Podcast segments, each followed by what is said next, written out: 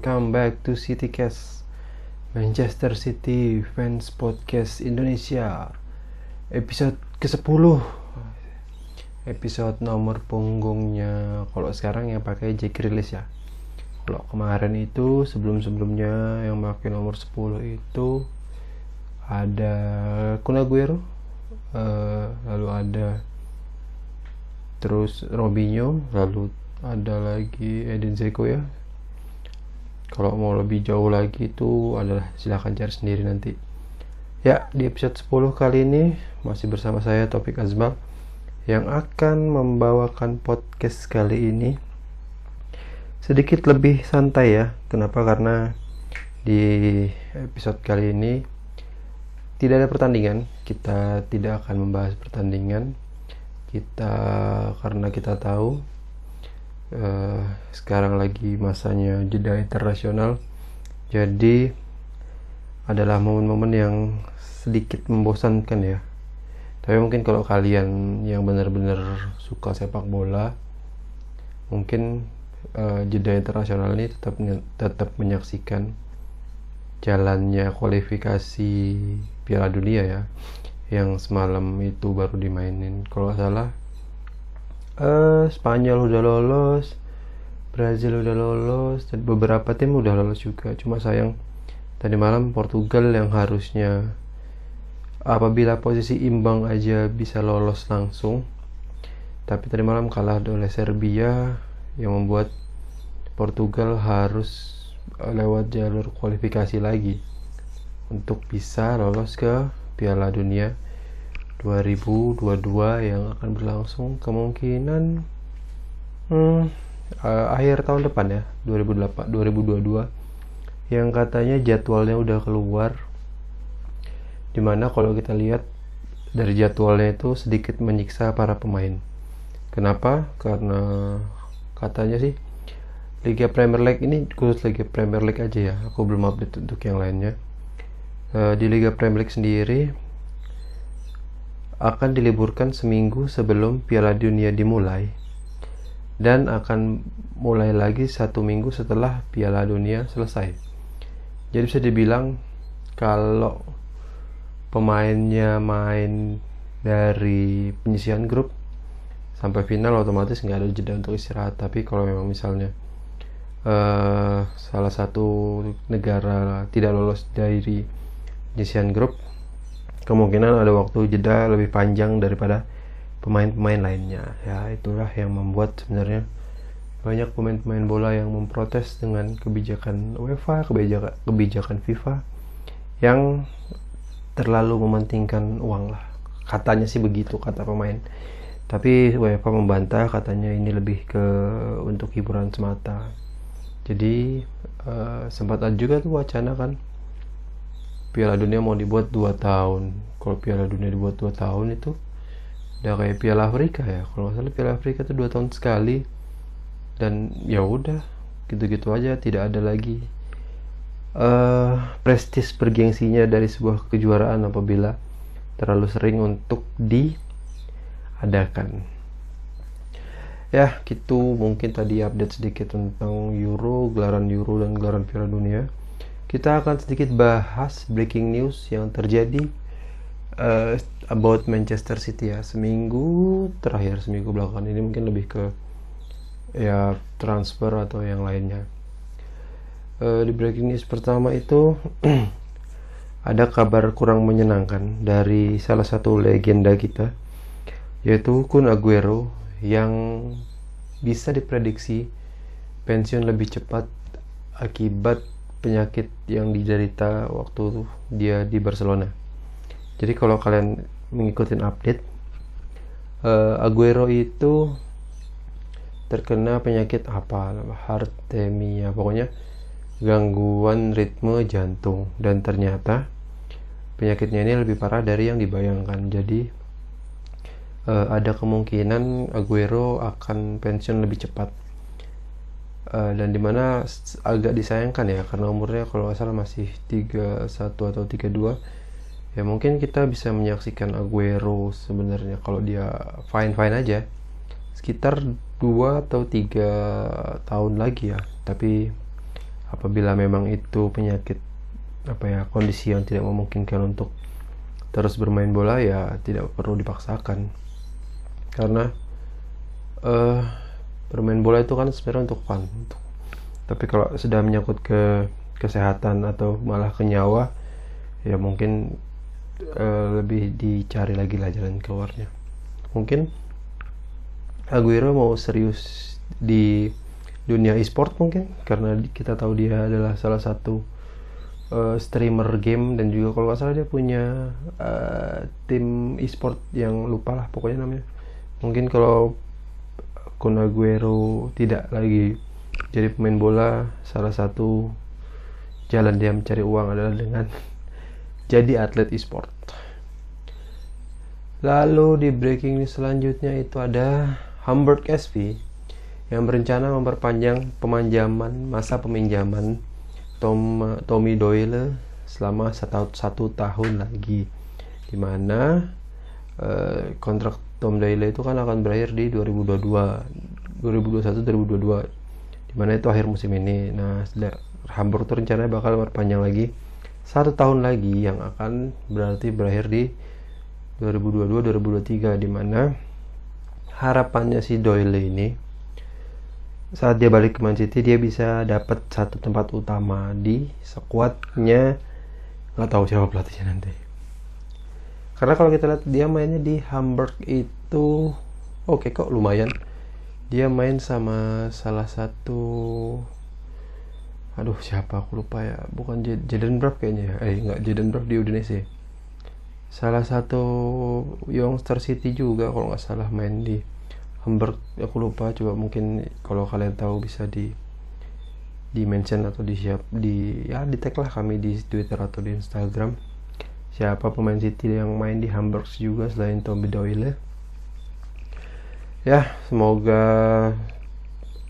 hasil hasil Akademi City ini mulai menunjukkan tajinya. Karena tidak menutup kemungkinan mungkin La Masia akan buka cabang di Manchester. Ya ya mungkin bisa lebih baik dari La Masia ya.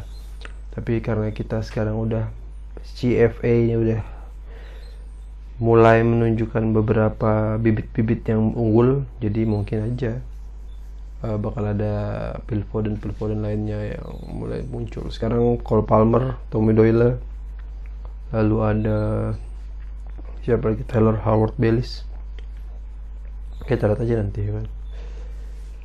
Lalu dia breaking news selanjutnya itu ada Manchester City serius mendatangkan Christopher Kunku Kunku dari Leipzig.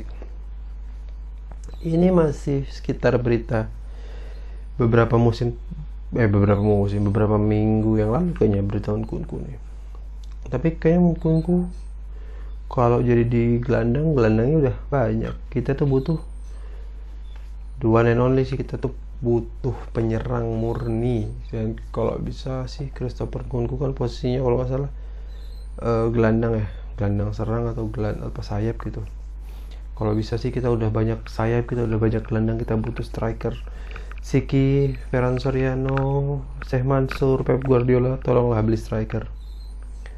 Ya semoga Kunku bisa diplot jadi striker lah kalau dia masuk Manchester City.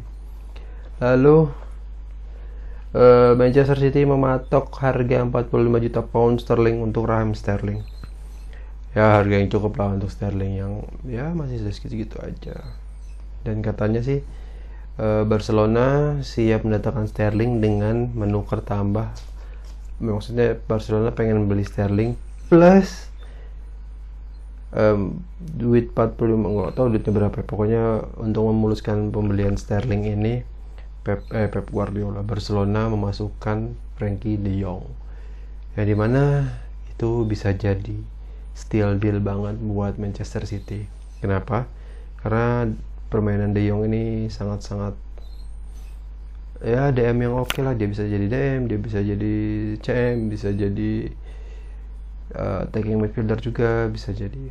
Jadi kalau memang itu bisa ditukar real deal ya. Karena uh, kita kayak sudah dibilang tadi sih kita terlalu banyak menumpuk pemain di sayap jadi kita kekurangan uh, untuk gelandang bertahan ya.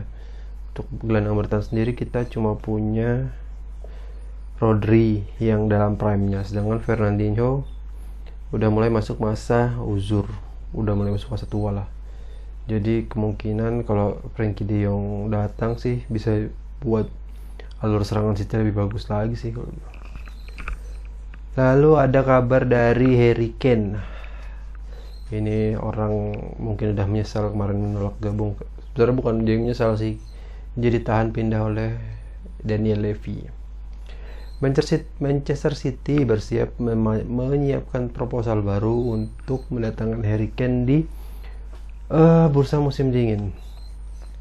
Kalau 150 juta sampai 200 aja tidak diterima, kalau memang mau menyiapkan klausul baru mungkin seharga uh, itu sih ya. Tapi kan kontraknya Harry Kane di Tottenham Hotspur kan kalau salah sampai 2023 ya 2022 jadi mungkin klausulnya masih sekitaran 150 juta atau 200 juta. Tapi itu untuk seorang striker dengan umur 28 atau 29 something sih agak terlalu mahal ya mungkin kalau budgetnya segitu bisa beli halan sekalian. Nah ini nih salah satu lagi. Ah nggak tahu lah dapat info dari mana. Huang Hechan. Manchester City tertarik meminjam Huang Hechan dari Wolfsburg untuk mengisi posisi striker. Saking nggak adanya plot striker di City ini sampai pemain Korea yang pernah main di Indonesia. Dan kalah pula oleh pemain-pemain Indonesia ini sampai bis mau dipinjam lah ke City. Tapi Huang Hechan sejauh ini sudah impresif. Kayaknya udah nyetak 3 atau 4 gol di musim ini yang ya dia salah satu pemain Asia yang lagi in lah selain Son sama siapa bek Arsenal? Uh, Tomiyasu sama Tomiyasu nah itu tadi kalau Huang Hechan itu kita pernah punya satu pemain dari Asia Sun Jihai yang kemungkinan di episode ya adalah di episode episode episode ke depannya kita bakal bahas Sun Jihai. Kalau Wang Hechan jadi untuk dipinjamkan Manchester City mungkin solusinya ada dua. Salah satunya adalah menggait pasar Asia. Karena banyak kan tim-tim Liga Inggris yang merekrut pemain-pemain dari Asia untuk dapat apa ya eksposur dari Asia aja sebenarnya karena kan fans bola Asia cukup besar jadi pangsa pasarnya adalah kayak ya ini mungkin ya mungkin Liverpool dengan merekrut Minamino atau siapa Park Jisung atau mungkin Arsenal dengan Tomiyasunya ya mungkin kalau Huang Haechan bisa gabung ke City kita bisa mengekspansi fans-fans goib yang ada di Korea mungkin ada di Jepang atau ada di Taiwan di Hong Kong. Kita nggak tahu ya. Ya semoga saja ada solusi yang lebih baik lah untuk lini depan. Lalu update terakhir adalah uh, Andrei Shevchenko pelatih baru Genoa. Itu tertarik mendatangkan uh, Christian Pulisic dan juga Zinchenko dari Manchester City. Karena kita tahu uh, Andrei Shevchenko sebelumnya melatih timnas Ukraina dan Zinchenko itu merupakan andalan di timnas uh, Argentina eh Argentina Ukraina. Nah di Ukraina itu dia jadi salah satu pemain yang jadi andalannya Andriy Shevchenko waktu dia masih ngelatih Ukraina. Nah nama terakhir ini Zinchenko ini yang bakal kita bahas uh, untuk episode kali ini ya. Kenapa sih kita bakal kenapa sih kita bahas aku sendiri bahas Jinchenko karena kalau bisa dibilang Jinchenko ini adalah salah satu tipe pemain yang uh, apa ya? Tipe pekerja keras tipe yang benar-benar mampu buat apa ya mem mempertahankan apa keinginannya keinginannya dia sampai-sampai uh, sampai akhirnya bisa terwujud loh. Itu adalah tipikal pemain seperti Zinchenko. Karena Zini ini kita sebutnya Zini aja ya. Zini ini adalah salah kalau kita lihat sih kan si Zinchenko ini kan kalau bisa dibilang posisinya sekarang ditaruh sama Pep di back kiri. Eh ya back kiri back kiri. Sayap kiri itu menggantikan posisinya. Yang tidak boleh disebutkan namanya karena sedang terjerat kasus kekerasan seksual. Nah, jadi posisi kiri ini kosong nih. Sekarang karena sekarang di posisi sama Zini dan Cancelo. Jadi karena Zini juga cedera dia benar-benar paham untuk bisa bermain di posisi mana aja Oke, sedikit cerita dari Zinchenko. Zinchenko sendiri lahir di Radomsil, Ukraina pada 15 Desember 1996. Nah, saat podcast ini di take, itu mungkin satu bulan sebelum ulang tahunnya Zinchenko. Pada tahun itu juga, sampai tahun 2000 sekian, dia berlatih di SSS, SSB Radomsil sampai tahun 2008. Nah, setelah itu dia pindah ke FC Monolith Ilisivsk pada tahun 2009. Nah, karena dia punya apa ya? Punya skill dan ini punya skill yang bagus dalam bermain. Jadi eh, salah satu klub besar Ukraina ya, ya, yaitu Shakhtar Donetsk merekrutnya untuk masuk di akademi dulu nih, main di akademi dulu itu di tahun 2009 berarti kalau sekarang umurnya 2009 itu sekitar berapa belas tahun ya? Ya gitulah pokoknya. Uh, 16 ya 16 tahun. Nah di, di Saktar itu karena dia punya skill yang bagus dalam mengolah bola dia diplot untuk jadi kapten tim dan mendapatkan panggilan timnas junior Ukraina dia juga menjadi salah satu oh ini belum sih. Jadi jadi dia waktu itu waktu main di timnas Ukraina dia mencatatkan rekor uh, maksudnya mengga, menggeser rekornya Andrei Shevchenko sebagai pencetak gol termuda. Kalau Shevchenko itu 20 tahun something kalau Zinchenko itu 19 tahun something lah. Nah sial banget nih dari Zinchenko. Karena dia dia mainnya oke. Okay. dia punya skill yang bagus. Di Shakhtar udah pasti jadi tim. Dan kan otomatis kalau jadi jadi kapten otomatis kan langkah dia untuk jadi pemain top di tim utama Shakhtar kan terbuka lebar tuh. Nah sayangnya pada tahun 2014 perang berkecamuk di Donbas sehingga membuat banyak orang itu mengungsi lah ke mana-mana. Salah satunya adalah keluarga Zinchenko. Jadi Zini tidak melanjutkan karirnya di Shakhtar Donetsk dan lebih memilih untuk menyelamatkan diri karena perang itu. Nah karena dia karena Zin karena ber, karena dampak dari uh, perang itu Zini pindah ke Rusia. Nah di Rusia dia tuh sempat tidak ada tim ya kalau nggak salah. Sempat nggak sempat main-main tarkam sih. Ya kalau di sini nyebutnya tarkam lah ya. 5 sampai 6 bulan. Yang dia sebenarnya karena dia sering main. Nah dia itu mau direkrut sama salah satu tim dari Rusia yaitu Rubin Kazan. Tapi karena di uh, di klub sebelumnya itu Shakhtar Donetsk uh, Zini masih punya kontrak jadi Ruben Gazan tidak jadi mengontrak lah. Mengontrak ya mengontrak sih. Tapi Zini boleh lah pertandingan di situ. Eh pertanding latihan di camp latihannya Ruben Kazan lalu setelah kontraknya habis setelah dia pindah ke